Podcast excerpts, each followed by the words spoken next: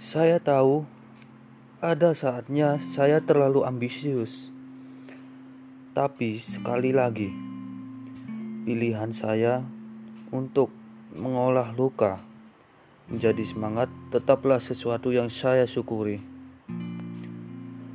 Sepanjang saya membangun diri untuk bisa menciptakan prestasi, batin saya bergumul dengan banyak emosi pada akhirnya, semua itu memberi saya hikmah, indah, dan bisa menemukan arti kehidupan.